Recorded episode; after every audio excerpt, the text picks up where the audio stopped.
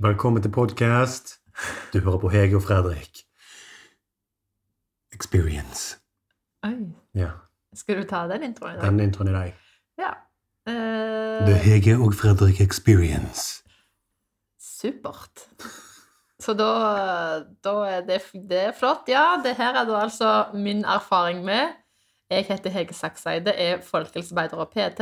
Og jeg heter Fredrik, og jeg er sånn der lege.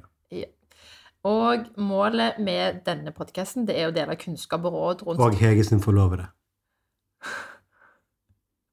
Hva er det du som har sagt at jeg skal presisere det? Jeg trenger jo ikke gjøre det nå. Jo, Å, men herregud. perfekt. Ja, Skal jeg begynne? Nei, perfekt. Perfekt intro. Ok. Ja, så da håper vi at den podkasten her eh, skaper et trygt, åpent miljø, hvor du som lytter føler deg mindre alene. Det tror jeg jo du gjorde med denne introen her. Ja, Ja. håper det. Jeg håper ikke vi skremte vekk noen her nå, men eh, vi skal i hvert fall snakke om vår erfaring om temaer som de fleste kjenner seg igjen i, og dagens tema er å flytte til en ny by. Ja, Og så skal vi òg gå inn på det å studere i en ny by. Denne episoden blir nok eh, mest interessant fra Fredriks side, fordi du har jo studert i Budapest. ja. Andre hjem. Oi. I hvert fall det du sier hele tida. Ja. Med, på godt og vondt. Mm. Eh, jeg tenker at eh, det er jo ikke akkurat så veldig mye å si i forhold til en intro på denne episoden her, om sånn Ja. Flytte, det vil si å eh, omlokere seg fra et sted til et annet sted. Eh, ok, men jeg siden tenker at siden du er så ivrig, så skal du få lov å begynne med din Nei. erfaring. Jo. Nei, Jo. du Hege skal få lov- få lov til å begynne med din erfaring. Jeg må følge jeg alltid må begynne. Ja, greit. Jeg kan begynne. Ok, min erfaring med å flytte til en ny by. Jeg eh, flytta til Kristiansand. Det er den byen jeg nå har bodd i de siste fem Fire, fire og et halvt år. Fem-fire. Fem, Fire-fem år. Fire-fem år. Ja. Mhm. Eh, som jeg eh, flytta til ved grunn av studier, da. Det starta egentlig bare med at eh, jeg hadde kommet inn på sykepleierstudiet. Hadde ikke lyst til å gjøre det. Jobbet et år som PT, faktisk sånn vanlig senter-PT. Vanlig senter-PT. Ja, for nå jobber jeg jo online, men da jobbet jeg fysisk. Ja. Eh, og så tenkte jeg at jeg egentlig syntes at det var kjempekjekt, men jeg ville ha litt mer kunnskap og litt mer å liksom, lede meg på, da. Mhm. Så jeg gikk faktisk ikke inn i studiet med, med en intensjon om å gjøre noe annet enn å være PT, for jeg syntes det var så gøy på det tidspunktet. Men eh, så da var det sånn OK, hva skal jeg studere? Hadde jeg litt lyst til å kikke på andre byer, og den tanken var veldig fristende. Eh, så tenkte jeg at Kristiansand, det er jo en ganske bra by. Så alt her skjer ganske sånn impulsivt. Ikke Mhm. noen spesiell plan eller noen sånn drøm. Det bare er sånn Ja, Kristiansand, det er jo sikkert bra. Sjekket gjennom studiene i Kristiansand. Kom over folkehelsearbeid for aller første gang. Hadde aldri hørt ordet før. Leste på hva det innebar, og tenkte ja, det kan jeg jo gå. Så det var veldig sånn eh, Ja, veldig tilfeldig eh, innfallsvinkel i det studiet da. Men i ettertid så skal jeg bare si at jeg er veldig takknemlig. Så det var, det var en veldig god, spontan avgjørelse. Du slår meg som en eh, god, naturlig folkehelsearbeider. Ja, det er kjekt å høre. Ja. Det virker som at interessene dine er veldig innenfor det, da. Ja, ja. Mer enn bare PT-PT, sånn personlig trener. Ja, absolutt. Så. Det traff meg veldig når jeg leste den altså beskrivelsen. Jeg hadde jo ikke søkt hvis ikke. Og jeg ble veldig ivrig når jeg fant ut at det faktisk var et studie som het folkehelsearbeid, og som hadde de, eller det innholdet som det hadde, da. Så Ja. det var kjempekult. Og så tok jeg opp det her eh, med to eh, venninner som dere sikkert har sett på sosiale medier hos meg før, hvis dere følger meg der. Eh, Ida og Maren. De gikk på det tidspunktet på et studie allerede i Stavanger, og ble veldig frista av tanken på å prøve å bo i en annen by. Så en kveld vi var hos meg, så bestemte vi oss alle tre for at vi skal bare gjøre det. Nå skal vi ikke feige ut, for det er veldig fort gjort at jeg tenker sånn, å, det er kult, men så blir det ikke noe av. Ja. Så vi skrev faktisk en pakt på et papir. ja. så skrev vi noe sånn Vi lover å flytte til Kristiansand til høsten, eller noe sånt. Og så sign signerte i blod. Nei, ikke med blod, men vi signerte alle tre, hver for oss. Og så skrev vi på baksida at det var straff. Oi. Ja. Den som ikke tålte, måtte tatovere jeg er feig, eller et eller annet sånt. Gøy på han. Nei, det tror jeg ikke, men jeg måtte i hvert fall gjøre det da, så det var en sånn, faktisk en straff. Ja. Og så ramte vi, eller jeg ramte det inn i ei ramme, da, og så hadde jeg den. Så jeg kunne på en måte, eh, eller sånn, vi hadde det på hverandre da, at vi skulle gjøre det. Så det er ganske kult, egentlig. Det er litt kult. Ja. Eh, Så gikk tida, da. Alle søkte i Kristiansand, og alle kom inn. Og så begynte den store reisen og et nytt kapittel med å finne bolig og flytte ned og komme seg til rette. Så vi sikter på boliger eh, kanskje et par måneder i forveien. Vi, nei, vet du hva? Jeg, jeg vurderte faktisk å kjøpe eh, hus.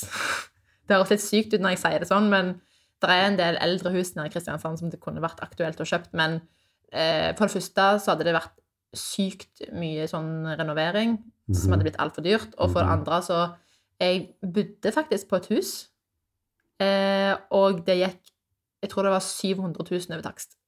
Ikke sant? Så det, da måtte jeg bare legge fra i den tanken der, da. Ja. Så det så jeg på først, men etter det så begynte vi å se på leie leiligheter, da. Mhm. Og så var det veldig vanskelig å vite hvor skal vi bo. For vi kjente jo ikke Kristiansand, liksom, hva slags område er bra å bo i, og hva er det bra å se etter, og sånne ting. Men eh, så fant vi ut til slutt at det ville være gøy å bo eh, sentralt, når vi fant det, det da. Så vi, den første leiligheten vi bodde i Kristiansand, det var i Kristiansand sentrum, i en bakgård til en butikk i Markensgata, som altså da handlegata, så vi bodde, basic, altså vi bodde midt i smørøya. Mm. Eh, den mest shabby plassen sånn egentlig, fordi det er sånn, du går eh, inn en dør, så kommer du inn til det som er åpenbart et, en bakgård. Sånn, du er på en måte i midten av høye blokker. Der er sånn store søppeldunker der. Og så er det et bitte lite rødt hus. Ja. Det er nesten som en sånn te- tegneserie. Hver Være student og så måtte bo i sentrum, altså. Det blir alltid sånn. Tror du det? Med mindre du er millionær og kan eh, splashe ut med ah, ja, sånn, ja. ja. Men det var bare veldig sånn spesiell, veldig spesiell bolig. Sånn, det, det var helt tydelig at det huset hadde nok stått der før de blokkene. Ja, Så det sånn. var liksom bare bygd inn sånn et lite så rødt hus. Men det var Når vi flytta inn der, så var det veldig stor stas, og vi eh, trivdes skikkelig godt med å bo der sammen. Og eh, bare for å fullføre den historien om den leiligheten der, så endte det med at vi hadde først eh, problemer med strømmen, og så fikk vi skjeggkre, og så fikk vi mus, og så fikk vi rotter. Og så, En hel eh, dyrehage, det. Ja. Så det var jo faktisk helt forferdelig. Ja, ofte. Ja, det var ikke noe greit. Så en tøff erfaring eh, som eh, ja, student eller å bo i en ny by eller hva du vil, det var å leie av eh, et firma. Altså sånn, eller bare leie av noen, for det var veldig vanskelig å komme seg ut av den leiligheten. Ja, ikke sant. Ja, så vi husker det var, det var ganske mye styr, og det endte med at det, vi måtte involvere foreldrene våre for å klare å komme oss ut. da. Såpass, ja. Ja. Mm. Eh, ja. det er mye sånne her folk som prøver seg ja. på dette utleiemarkedet. Det, er helt, Ja. det var veldig deilig å komme seg ut av det stadiet i livet Mm, der man måtte holde på med lei, Merket jeg. Jeg var jo litt desperat på å komme meg, bli ferdig med det. da. Merket, altså etter den siste leieperioden min. jeg. ja. Så det er godt å bli kvitt uh, den perioden. For det, det er mye mye utnytting av unge folk. ja, det er det. Mm. Og så er det sånn, for de vet jo at eh, de fleste har jo ikke peiling på hva slags rettigheter de har, hva som er greit og ikke. Så det er jo en veldig enkel person å leie ut til. Ikke sant? Jeg tror nok ikke at voksne folk hadde godtatt de tingene som vi godtok, da. Nei. Hva tenker du, Har du noen tips i forhold til det? Bare sånn, eller opplevelser sånn ting du opplevde ut ifra det? Ja, jeg har faktisk noen ting som jeg tenker jeg skulle ønske jeg visste tidligere. Eh, nummer én, når du skal leie noe, eh, så vil jeg egentlig anbefale at du leier av en privatperson fremfor gjennom et sånt firma. Jeg har en følelse av at når du leier fra en privatperson, så er de mye mer sånn hjelpsomme, og de har som regel litt mindre sånn press, eller jeg føler at i hvert fall det firmaet som leide så merka du at de var veldig profesjonelle på å utnytte folk, da. Ja, sånn, De kunne liksom triksa sine. Ja. Det, det er sånt øh, sånn liten sånn innskyter der. Ja. Jeg vil, jeg, å leie av privatpersoner jeg er faktisk enig i. Ja. Eh, så lenge de faktisk til, altså de er i byen der du leier. Hvis det er sånne privatpersoner som bor i en helt annen by, som da har en eller annen person som jobber for dem, som skal styre med det og det, Ja. så blir det så mange sånne kanaler beskjeder må gå gjennom. Hvis Å, du finner noe feil, for eksempel, Ja. så må de ta kontakt med noen ja. som de har hyret til å være Hva heter det?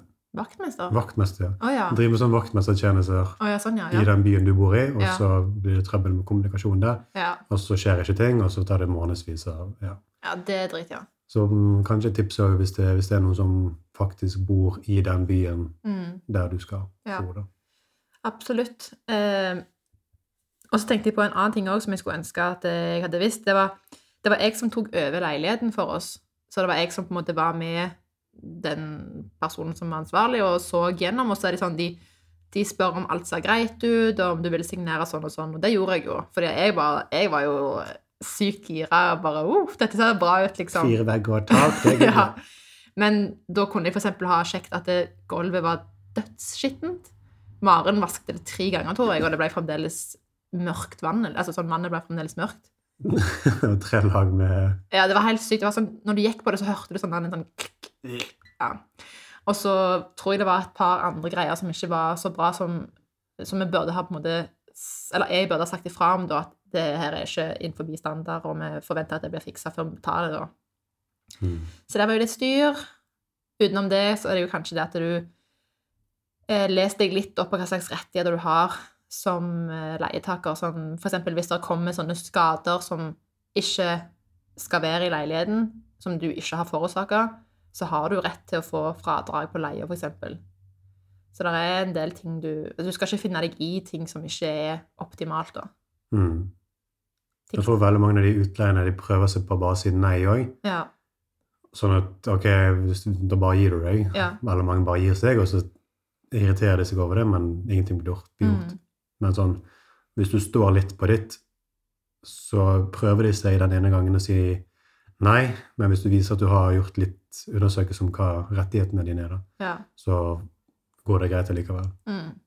Det tror jeg er Ut fra erfaring. Ja, jeg er helt enig. De er ganske sleipe. Ja. Eh, ja, det var kanskje nok om den leiligheten og leie... Hvordan var det å bo med venninnene dine? Det var fantastisk. Oi. Ja, fordi jeg har hørt at du skal være litt skeptisk til å bo med venner, fordi det er én ting å være venner med folk og treffes innimellom, og en helt annen ting å bo sammen. Folk har jo vaner som du oppdager når du først flytter inn. Men det gikk som smurt, det, altså. Ja, I hvert fall eh, fra mitt eh, ståsted eh, så syns jeg det var fantastisk. du Så- er kanskje litt sånn ekstrovert ut av deg, da, men det er kanskje ingen av dere som er så veldig introvert type som trenger mye personlig eller privattid. Ja, ja. så er det jo, men en ting som er veldig sånn, bra med oss, eller ja, det er at vi er så tette og så trygge på hverandre, at eh, vi er virkelig avslappet i hverandres selskap da. Ja. Og det er veldig viktig, for hvis du ikke er avslappet i hverandres selskap, så er du på en måte litt sånn på tå hele tiden, på en måte, eller ja. Ikke helt på jobb eller på, på stue på, på skolen. Mm, Er du sliten der, og så får du ikke noe restitusjonstid hjemme, da, egentlig. ja. Hva syns du var det vanskeligste med å flytte til en ny by? Syns, du hadde jo en fordel, da, for så vidt, kan man si. i Mm. Og egentlig en ikke-fordel. ja, jeg vet hva du mener. Ja. Når man flytter til en ny by, så må man jo danne seg et nytt nettverk. Mm. Og så kommer jo det at man skal da være veldig åpen for å få nye venner, da. Ja. Og av og til så er det da fint å ha dette fine sikkerhetsnettet med tidligere venninner Ja, som kommer med, men samtidig, hvis du er veldig fornøyd med disse tidligere venninnene dine, så har du kanskje veldig liten eh, motivasjon da, ja. for å bli kjent med andre. Mm. Hva syns du, hva kjente du på det da, i forhold til det? Eh, jeg skjønner veldig godt tanken, og det er mye sannhet i det. Jeg skal ikke si at jeg har vært veldig på med andre relasjoner fordi at jeg hadde det så trygt og godt med de jeg hadde, og det var de jeg ville være med. Så jeg var liksom ikke så veldig åpen for å Eller jeg prøvde ikke så veldig hardt å få, å få nye venner. Så det, det er en god ting og en dårlig ting. Du har med deg en trygghet hjemmefra, men du er ikke så interessert i å treffe andre. Nei. Men en annen ting som jeg òg brant meg litt på, eh, som jeg faktisk har lyst til å snakke litt om, det var at jeg eh, fokuserte veldig på en person i studiet mitt. At jeg på en måte fant en person som jeg klikka veldig godt med, og gikk all in på den ene personen. Og det handler nok litt om at jeg ikke er så veldig glad i sånne gjenger. Jeg trives mye mer med å på en måte ha noen gode som jeg kommer skikkelig tett på, enn mange. Men i ettertid så skulle jeg jo ønske at jeg var litt flinkere til å bli kjent med flere i den klassen, da. Mm. Fordi at eh, Ja, jeg, da fant jeg på en måte en trygghet i klassen òg, og så gikk jeg inn for den, og så var det på en måte ikke så interessant med Eller da var det ikke så viktig å på en måte bli kjent med flere, da, for jeg hadde det trygt allerede. Mm. Og trivdes godt i den relasjonen. Så det er kanskje et tips til andre, da, at det, det er veldig fint å finne en person som du er ekstra close med, men husk at du allikevel bør ta deg bryet med å bli kjent med flere. Det er mange personer i klassen din som sannsynligvis kan bli en god venn hvis du bare gir det et forsøk. Ja, og plutselig så må folk flytte på nytt. Mm. Og da sitter du helt Ja. alene igjen. Mm. Mm. Det er det som er ulempen eh, når du studerer i en annen by, at det, det er veldig vanlig at folk flytter vekk igjen etter studiet. Ja. Så da sitter du på en måte litt tilbake igjen til null, Mm. ofte. I Mm. hvert fall min erfaring. Ja, ok. Men uh, hvorfor har du valgt å bli her, da, egentlig? I, på Sørlandet? Ja. Uh, Jeg hadde nok sett for meg at jeg skulle dra hjem igjen. Jeg tror i hvert fall det. Jeg hadde ikke sett for meg jeg skulle bli. Men så når eh, studiet mitt var ferdig, så hadde Maren kjøpt seg bolig her nede. Og så hadde Ida fremdeles to år igjen på studiet, så da var jeg litt sånn Jeg har det ikke travelt med å komme meg hjem igjen. Jeg kan bli her litt til. Det er veldig gøy å være her.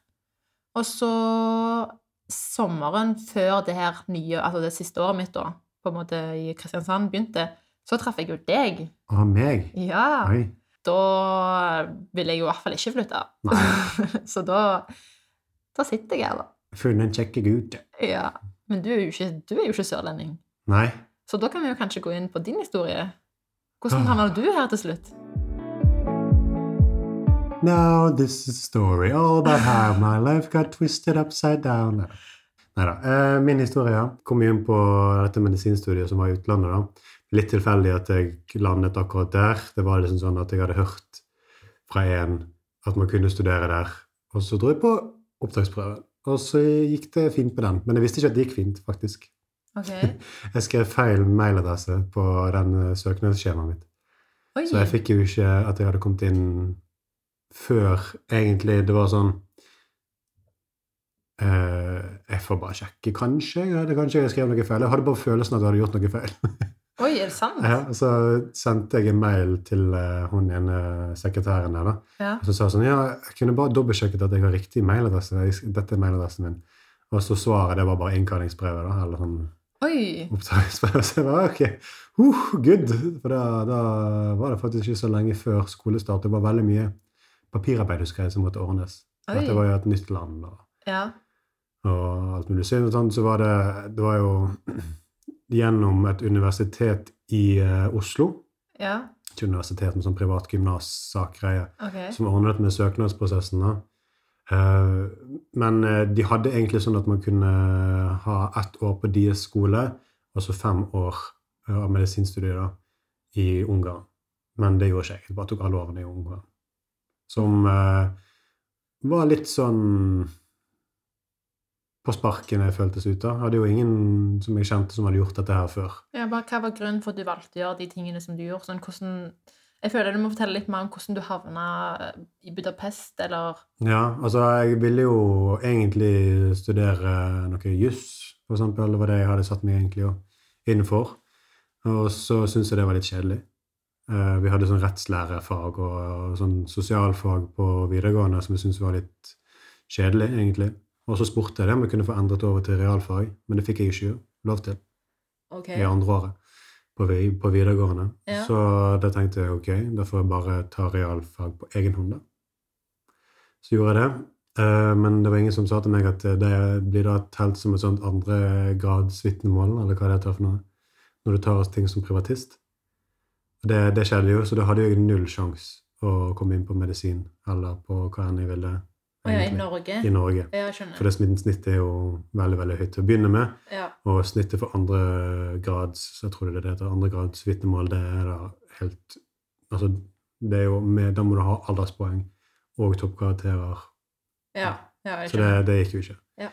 Um, så da tenkte jeg uh, ok, jeg tar et år på universitetet i, i Bergen da, for å finne ut av litt hva jeg vil. Mm. Uh, og under den perioden der så jobbet jeg ved siden av og litt slikt, og så lærte jeg om denne her uh, i Budapest. da. Ja. Eh, og da var det bare sånn Ok, men da høres det ut som det er den eneste måten jeg kunne studere medisin på. da. Okay. Jeg visste ikke om at det var i Polen og alle mulige andre steder før akkurat den dagen der jeg kom til den inntaksprøven. For det var egentlig en inntaksprøve til veldig mange forskjellige universiteter. Blant annet i Polen. Og Og forskjellige universiteter i, i Ungarn og i Slovakia, tror jeg det var. Uh, så, men jeg hadde jo sett, jeg hadde bare hørt om Budapest, så derfor valgte jeg bare Budapest på de opptaksprøvene jeg kunne ta. da. Uh, og da, da ble det Budapest. Eh, så når jeg, når jeg flyttet ned dit, det jeg gjorde på forhånd, var å gå på en sånn eh, ANSA-side. Eh, studentskipnaden for utenlandsstudenter. Og de hadde veldig mye sånn fine tips man kunne spørre da. 'Hei, jeg skal begynne på studie i utlandet.' Eh, kunne noen delt litt erfaring om å få bolig? Da var det noen som delte en erfaring med en norsk-ungarsk kvinne som hadde leiligheter der nede, som hun leide ut til studenter. da. Så jeg kom i kontakt med hun, og måtte jo bare leie en leilighet usett, Mm. egentlig. En liten leilighet som var i et godt strøk, hadde jeg hørt i byen. da. For det var sånn Budapest er jo en veldig fin turistby, men eh, det er veldig mange skyggesider av den byen der. Okay. Det er veldig fine strøk som er pusset fint opp og ser veldig fint ut, som er en del av disse turistattraksjonene. Og så har du disse deler delene av byen som er litt mer sånn shady. Mm. Så man kunne jo fort ende opp i et shady nabolag eh, basert på, hvis man bare skulle basere seg på leieprisen da, Mm. i Budapest. Så jeg fikk tips om å gå og dra til de og de distriktene. De var det som var tenkt som safe. Mm. Eh, Så det gjorde jeg. Valgte et eh, safe eh, distrikt rundt med parlamentet der nede. Eh, Og så måtte jeg bare godta hva enn den staden leiligheten var i, da. Mm. Og det var, det var helt greit, egentlig. Og det var veldig billig. Ja, hva kosta det? Jeg tror det var sånn 4000 eller noe sånt i måneden Å, yes. leilighet. Så du, du, pengene dine strakk veldig langt for å få ting i Ungarn på den tiden jeg kom ned der, da, helt i begynnelsen. Mm. Eh, og det var jo en haug med papirarbeid som måtte gjøres, og sånne forsikringer og alt mulig som måtte ordnes før du kunne helt tatt begynne på universitetet. Så var jo ingen garanti for at man hadde fått lov til å begynne før alle disse papirene her var signert og godkjent og stemplet og alt mulig. Mm. Så jeg husker, jeg husker det veldig vagt nå, men det var, det var mye det var mye stress. For det, jeg, hadde, jeg hadde bare ikke satt meg inn i alt som måtte gjøres. Jeg husker jeg hadde en sånn mappe over ting å ta med papirer, men hadde null struktur i det. Jeg visste ikke hvor jeg skulle hva, og jeg visste ikke hvor uten, eller Utlendingdepartementet var. og sånt. Det var, det var veldig mye ting som Hvis jeg hadde bare spurt litt mer eller undersøkt litt til, så hadde jeg hatt et mye bedre utgangspunkt. da. Mm. Og effekten av dette her på de første månedene mine der nede, det var jo det at jeg umiddelbart tenkte sånn «Øh, Hva er det jeg har gjort? Ja. Dette, var, dette var feiltagelse. Mm. For det, jeg følte Jeg snakket jo ikke språket, og de har ikke sånn kjempegod engelsk der heller. Mm. Og det er veldig stor for kulturforskjell. Og det er en veldig stor by, veldig mye folk. Du får nesten ikke fred, Mm. føltes ut som, fordi det var alltid lyd hele tiden. Og for å komme fra sånt litt sånn landlig strøk, der det er veldig rolig, til at det hele tiden er folk rundt deg, eh, mye forskjellige lukter, eh, luften er helt forskjellig, du kjenner at det er mye eksos overalt, eh, ting blir skittent hele tiden. Mm. Det var, det var veldig mange faktorer som var helt annerledes enn det jeg var vant til hjemme. da. Ja. Så det var, det var skikkelig stor omstilling å komme der. Og jeg merket at jeg var sånn Kanskje Jeg tror faktisk jeg gråt av og til til tider. Bare sånn Å, hva har jeg gjort med meg sjøl? Det er fremdeles tid til å snu. Sånn. du hadde jo ikke investert noe i det. det var sånn. Ja. Men så var det sånn Ta, ta deg sammen, og så prøv litt derfra. Mm. Um, og det, det var veldig gøy på en måte òg. Etter hvert som man bare hadde bestemt seg for å prøve seg litt. For da sank skuldrene, og så sa jeg sånn OK, men jeg skal prøve litt. Mm. og så ser vi liker det. For da er det sånn, ok, da har jeg den holdningen om at jeg skal prøve. Mm. Eh, og jeg ble jo, Det var jo en helt unik mulighet til å bli kjent med folk fra så veldig mange forskjellige kulturer og land. Ja. For det var jo et internasjonalt universitet, så folk kom jo fra hele verden til å studere der. Det var mest nordmenn. Eh, mye tyskere, amerikanere, folk fra Storbritannia, eh, fra Iran, fra Nord... Nei, ikke fra Nord-Korea. Hallo.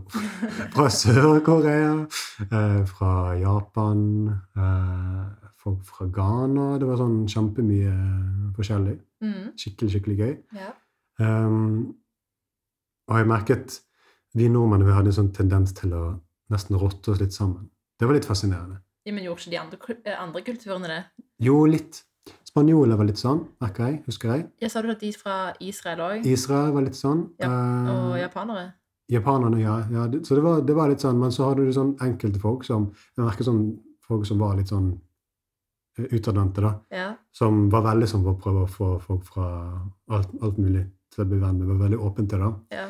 Men det var veldig vanskelig å penetrere disse gruppene ja med folk. Og i hvert fall nordmenn. Vi var, hadde sånn rykte på oss. Å, For det, vi gikk med veldig dyre klær, okay. for eksempel.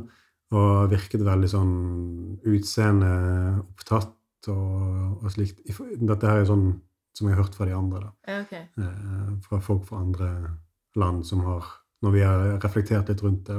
Ok. Interessant. Interessant. Ja. Jeg, jeg var litt sånn motsatt av det. Ja. tenkte sånn Nå når jeg har kommet her, så har jeg jo ikke lyst til å henge med en haug med nordmenn. Det er jo litt rart, for det, det kan jeg gjøre hjemme. ja. Og det er ikke så interessant. Ja. Så jeg uh, fant to amerikanere som, veldig, som jeg kom veldig godt overens med. Mm. Og en fra India. og Det var, det var sånn mye forskjellig gøy. Mm. Og i klassen vår så var det mye forskjellig òg, men hovedsakelig nordmenn egentlig der. Oh ja, er det sant? Ja. Oh. Mm. Uh, og etter hvert så, så forsvant dette her med at uh, alt føltes så forskjellig og uvant. da, Fordi man eksponerte seg hovedsakelig for sin studiegruppe. da. Mm. Og det, det var det litt mer trygghet. Og man merket så mange folk som var i samme situasjon. Alle var jo langt vekk fra familiene sine og hadde det tøft. Og man diskuterte det og snakket om det. Det hjalp utrolig mye. Mm. Det tror jeg er veldig, veldig viktig um, med, når man flytter til en ny by. Eh, I hvert fall hvis det, hvis det er sånn stor kulturforskjell eller i utlandet. Eller, så prøv å snakke om at du synes det er tøft. Mm. For det, det er mange andre som synes det, og så vet man ikke helt hvordan disse samtalene skal begynne med. Eller skal, skal begynne, da. Mm. Eh, Men det er rett og slett uh, nyttig for andre å høre at du syns det er litt vanskelig òg. og så får, finner man ofte ut at det er flere folk som har samme tanker som deg. da. Mm. Ja. Um, Hvor lang tid følte du at det gikk før du var trygg i byen? tre år. Oh ja, så mye? Jeg tror det tok tre år for at jeg skulle bli trygg.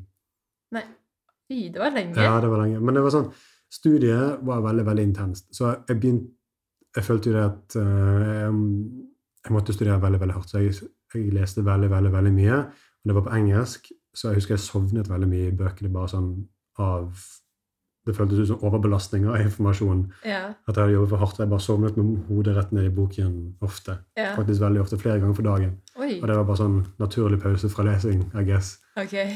Eh, så de første årene var skikkelig, skikkelig tung. Okay. Eh, og så var det veldig, veldig veldig strengt. Yeah. For det var sånn utstillingsår de to første årene. Mm. Så man merket jo det, de folkene man ble litt kjent med. Eh, de amerikanerne jeg nevnte, forresten, de, de strøk jo andre året. Mm. Så da var jeg litt alene igjen, fordi jeg hadde funnet meg noen bestevenner der.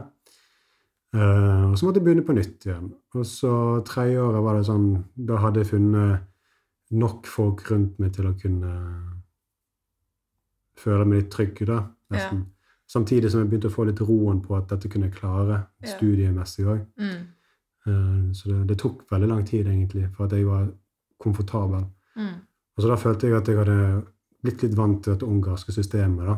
Du lærte deg jo språket òg? Lærte meg språket, Ja. eh, lærte meg mye av kulturen. Mm. sånn at det var veldig mye bra i disse ungarske folka her òg, selv om de virket veldig kalde. ja. Og det var, det var nesten sånn bare som det delen en del av kulturen deres som virker kald, ja. og måten de snakker på, kan virke frekk. Men det er egentlig ikke bare frekk, de er bare effektive i måten de snakker på, og viser veldig tydelig hva de tenker og mener. Ja, For de- i Norge så snakker vi veldig mye sånn Rundt grøten? Ja. Ok. Så man merket det at det var egentlig bare at de var veldig direkte. Ja. Hvis du, hvis du gjør noe de ikke liker, så sier de at 'jeg liker ikke den tingen du gjør'. Ok. Og det var sånn at man kunne ta det litt personlig, men det var egentlig bare en beskjed om at du gjør noe som de ikke de liker, da. Ja. Um, De er i hvert fall flinke på å kommunisere, da. ja, det, men de er jo det. Ja. Så det var egentlig lett å forholde seg til det etter hvert. ja. Men hva føler du var den største forskjellen mellom å gå på skole i Norge og å gå på skole der? Eh, det var veldig stor forskjell på dette her med lærere. Okay. Eh, de lærerne i Norge, de, det er jo litt hierarki fremdeles okay. mellom lærer og elev, men jeg føler at du som elev har så mange rettigheter Mm. at du er, du er ikke truet på noe som helst måte. Mm. Mens der nede, der gjorde de det veldig klart at du har ingen rettigheter. Vi kan stryke deg akkurat sånn som vi vil. Ja, bare på trynefaktor? Ja, ja bare på trynefaktor. For det, det var mange professorer som var kjent for sånn Ja, hvis ikke de liker deg, så stiller de deg spørsmål inntil du ikke klarer det. og så når du ikke klarer det spørsmålet, så stryker de deg. Og da er du ute av skolen? Ja, I verste fall så kunne det være at du endte opp ute av skolen. Av og til var det bare sånn for å jekke deg ned noen hakk, for eksempel, på en eksamen. Ja. Og så neste gang du kom tilbake igjen, så gikk det noenlunde greit, da. Ja. Men eh, de gjorde det bare for å sette det på plass, da. Terrorisere deg? Ja, det var litt sånn, det føltes litt sånn. Men til slutt så ble man vant til det òg. Det var rart med det, men man ble liksom sånn vant til det. Så det gikk ikke, men, men det gikk ikke så veldig inn på deg Nei. når du Hva er det rareste du har hørt fra en professor da, eller noe sånt? Hva Eh. sjokkerte deg mest? Ja, jeg var på eh, farmakologieksamen i fjerde året. Hva er det for noe? Det er læren om, eh, om medisiner og mekanismen deres og hvordan de funker. da. Ok. Eh, Og det var en ekstremt omfattende eksamen. Og så husker jeg eh, den første gangen jeg gikk på den, den avsluttende eksamen der. da. Ja. Eh, Så hadde jeg forberedt meg egentlig veldig veldig, veldig godt. Men man trekker sånn tilfeldige kompetansemåler ut fra, fra tre seksjoner. Så det var en A-gruppe, en B-gruppe og en C-gruppe, og så skulle du ha én av hver. ja. Og så trakk jeg den ene som jeg tenkte var sånn ah, Denne her har jeg gruet meg til. Denne vil jeg ikke ha. Mm.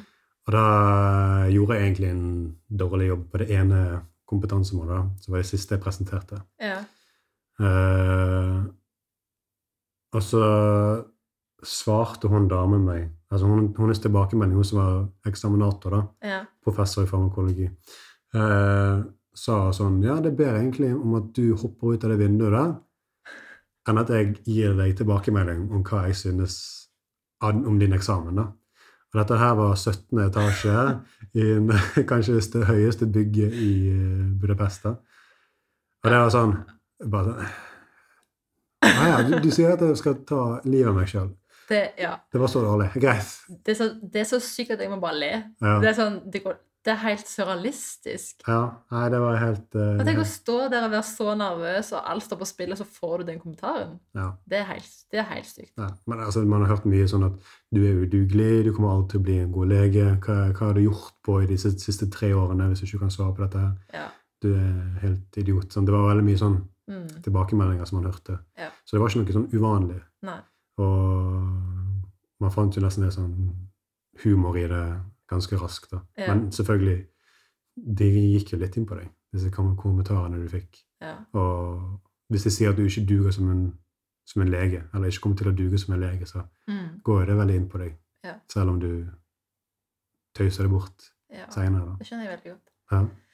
Jeg tenker at det er sikkert mange som vurderer å studere i utlandet, men som er liksom på nippen, som skal, skal ikke. ja. Hva føler du på en måte er en fordel med å studere i utlandet? Jeg tror rett og slett at det er nyttig å bare oppleve andre kulturer. Det er veldig mange muligheter som kan være bare tilgjengelig i utlandet. Ja. Sånn som jeg kunne jo ikke studert medisin i Norge. Ja. Så Men føler du at du har fått noe annet ut av studiet ditt med å studere i Budapest sammenlignet med de som har studert i Norge? jeg føler det er selvstendigheten, da.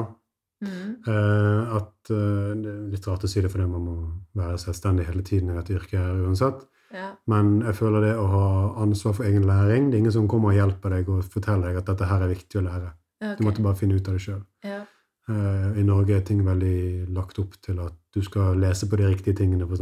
Mm. Mm. Samtidig så tillot det å være i Ungarn enkelte ting som man ikke ser så mye i Norge. da. Ja. Hvis du spesifikt for medisinstudiet, så er det at man har veldig mange tilgjengelige kadaver å øve seg på. Ja, Vil du fortelle hva kadaver er? Eh, Altså døde mennesker. ja. For i Ungarn, hvis du dør, så donerer du automatisk kroppen din til forskning. Mm. Da må du si fra til staten at du har lyst til å ikke tillate det. ja. Mens i Norge så må du si at du ønsker å donere kroppen din til Forskning. forskning. Så det er sånn omvendt for deg som er i Norge. Ja, for det har du fortalt der. Du har hatt veldig mye tilgjengelig på studiet ditt. Ja, ja. Selv om i Norge så måtte man bruke mye bøker for å få anatomiundervisningen sin gjort. Mm. Mens for meg så var jo det lik Ja. tilgjengelig Mm. hele tiden. Så bare, man kunne se det, for det var en helt, det en helt annen måte å lære ting på. Ja. Og så er det veldig veldig smarte folk der Ja. som kunne veldig mye. Så det, det var jo noe sånn gullkorn Mm. oppi alt det forferdelige. Ja. og så danner du veldig tette bånd med de du er med der nede. For det, når det er så vanskelig og så hardt for andre òg, Mm. så eh, danner man veldig tette bånd med, med de vennene man har der nede. Mm. Etter studiet ditt så flytta du jo til Kristiansand, fordi her fikk du jobb. Ja, egentlig. Ja. Vil du fortelle litt om hvordan det var å flytte til en utenlandsk by sammenlignet med å flytte til en norsk by? Ja, det fine var her, var her at det føltes, mye, det føltes trygt med en gang å komme hit til. Ja. Og det med å være sosial, det føltes òg lettere, da. Kanskje litt av de erfaringene jeg hadde allerede med å bo seks år i utlandet. Mm. Men det var sånn jeg, eh, jeg følte meg veldig trygg på å møte andre, for det jeg, ikke, det, jeg følte jeg Det var jo min kultur, så jeg, jeg kjente sånn Jeg forsto mer hva folk mente da, kanskje. Det krevde ikke så mye av deg. Nei, det var akkurat det. Ja. Og så, når jeg flyttet til Kristiansand, så var jeg mye mer forberedt på det å flytte til en annen by Mm. enn det jeg var når jeg flyttet, når jeg flyttet til Ungarn. Så jeg hadde en, en plan på å være veldig åpen for alt. Være veldig sånn si ja til alt du blir invitert til. Mm. Bare si, bare si ja. Bli med på alt. Mm. Så hele tiden så var jo alltid noe som skjedde som jeg ble med på. Og det var skikkelig slitsomt. Og Ja. dødsslitsomt. For det, det var så mye greier som skjedde, og jeg hentet meg aldri inn igjen. Ja. Men samtidig så så du folk om igjen og om igjen om igjen, og det tror jeg er kjempeviktig for å i hvert fall danne et bånd med dem. Mm. Det var langt. Det var langt, ja. Det var men mye om meg. det veldig, jeg syns det er veldig gøy. Jeg tror det er kjekk Det er liksom historier. Ja, jeg vet ikke hvor mye det var å hente fra det der maset mitt, men Jeg syns alt bør være med. du skjønner. Ok, det var en ganske lang del med erfaring. Vi skal ta noen kjappe spørsmål. Prøve å holde svarene ganske korte, tror jeg. Ja, Bare så ikke podkasten blir en time, liksom. mye Fredrik-babling. Nei, det er bra. Hvordan takle å flytte vekk fra familie? Ekstremt knyttet og sammensveisa familie. Nå, så søtt. ja. Det kommer litt an på hvor, hvor langt vekk du flytter nå fra familien. da. Mm. Å holde kontakten med familien er jo veldig, veldig, veldig viktig, tror jeg. Som Ja. jeg har vært dårlig på. Ja. Så hvis det er noe sånn være bedre enn det jeg har vært, å holde kontakt med familien, vil jeg si. ja, det tror jeg ikke blir et problem for denne personen. nei ikke sant. Uh, men hvis, hvis det blir vanskelig å, å treffe dem sånn fysisk, og hvis det blir veldig mye veldig hektisk, eller at det kan fort bli veldig hektisk, så jeg tror det er nyttig å ha sånne faste dager i uken, eksempel, Ja. der man tenker at uh, man, man skal ha ringe, eller FaceTime, eller noe med sine foreldre, da, Ja. eksempel. Mm. Eller med søsken. ja. Jeg tenker også at det er nok vanskelig å flytte i starten. Ja. Og så tror jeg at det kommer til å bli bedre etter hvert som du på en måte venner deg til å ikke bo med familien din, da. Ja. Jeg tror nok det er litt mer det at du er så vant med å bo med familien din eller rett i nærheten, har gjort det i alle år, og så skal du plutselig flytte vekk. ja. Så da tenker jeg at eh, hvis du har lyst til å flytte til en ny by, gjør det likevel, og så tar du heller og ringer de så ofte du har lyst. Om du ringer de hver dag, gjør det. Besøk de ofte, men forhåpentligvis vil du merke at du klarer å dabbe det litt av etter hvert. Prøv å involvere deg så mye du kan i studiet og i venner i ny by. Kanskje du får deg en jobb, sånn at du danner deg en ny hverdag, så vil du nok se at du gradvis klarer på en måte å lage din egen tilværelse, da. Ja, jeg syns jo det at man er veldig har et veldig nært forhold til familien sin, det er jo bare et fantastisk utgangspunkt Mm. hvis du skal flytte, faktisk. Det betyr at Jeg tenker i hvert fall at det kommer til å være et varig forhold uansett. At det er ikke noe fare for at det blir for distansert. da. Ja. Jeg tror nok det, det er noe veldig mange går gjennom, det å flytte familien. fra familien for å kunne utvikle seg videre. Da. At det er vanlig, og så kommer man ofte tilbake igjen da, Ja. eh, når man er ferdig. Eller Mm. Og jeg tror det er helt normalt å kjenne litt på hjemlengsel.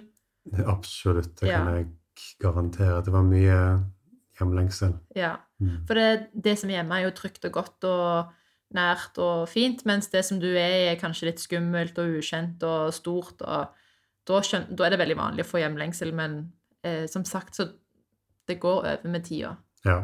OK. Hvordan få seg venner i en ny by? ja. Har du noen tips?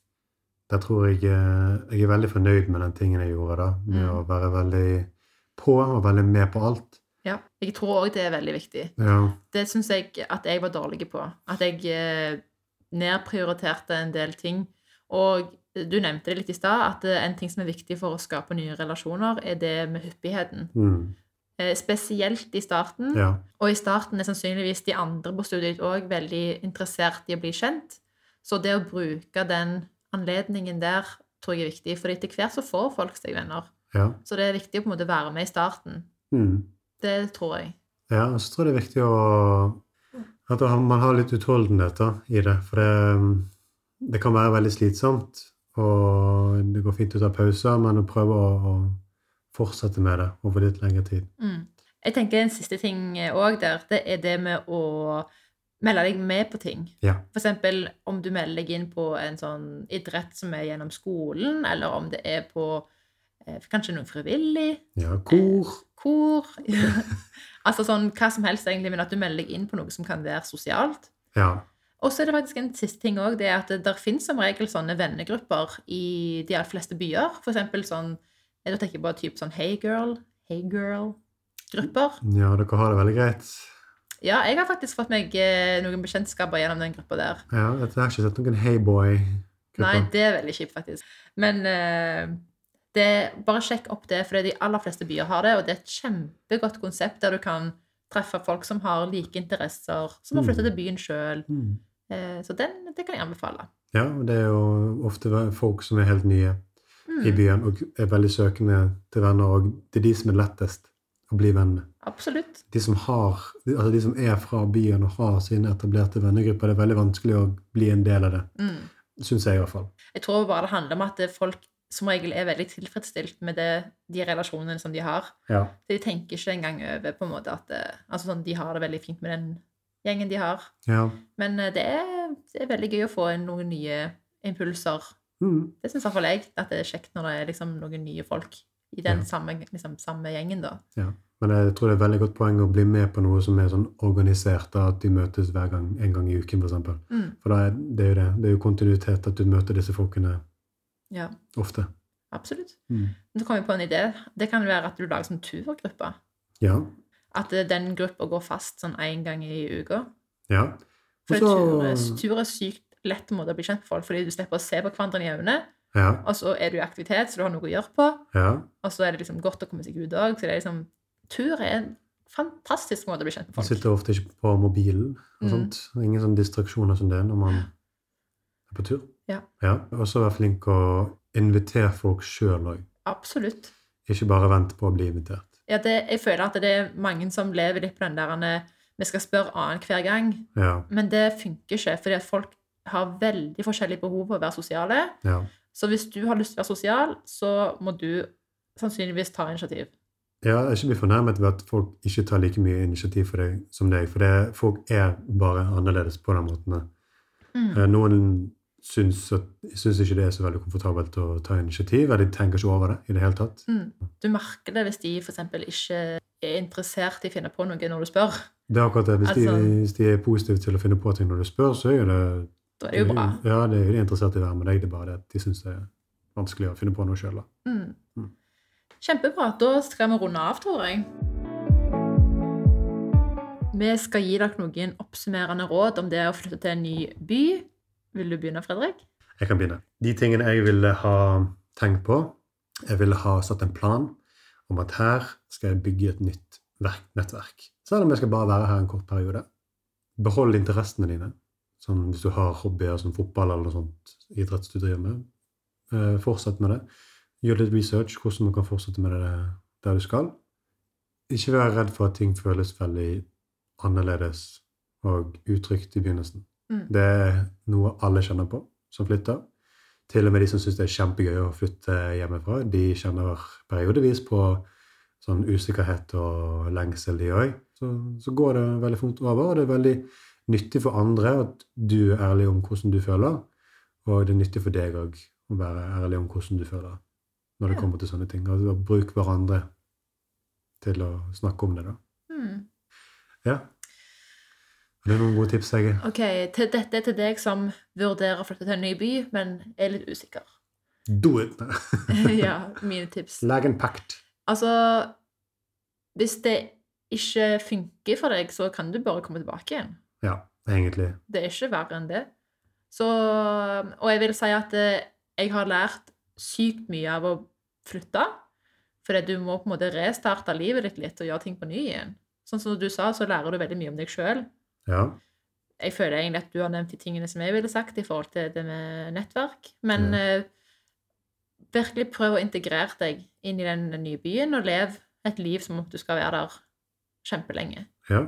Og så husker jeg også faktisk en psykolog som sa det at eh, mange velger å ikke få seg relasjoner eller tette relasjoner i en ny by fordi at, som du sa, kanskje det bare er for en periode. Men husk at tette relasjoner ikke bare handler om hvem du skal være venn med resten av livet. Det handler også om at du lærer andre og deg sjøl å kjenne med å bli nær med andre. ja. At det på en måte lev 100% der du er, fordi at du får noe ut av det, selv om ikke det følger deg resten av livet. Ja. Det synes jeg er fint. Den sosiale evnen vår er rett og slett en, sånn- en muskel, Mm. på en måte, som man må, man må jobbe litt med for å vedlikeholde, rett og slett. Det er det. Ok, jeg håper det her var til hjelp. Eh, tusen takk for at du ville høre, og tusen takk for fine tilbakemeldinger.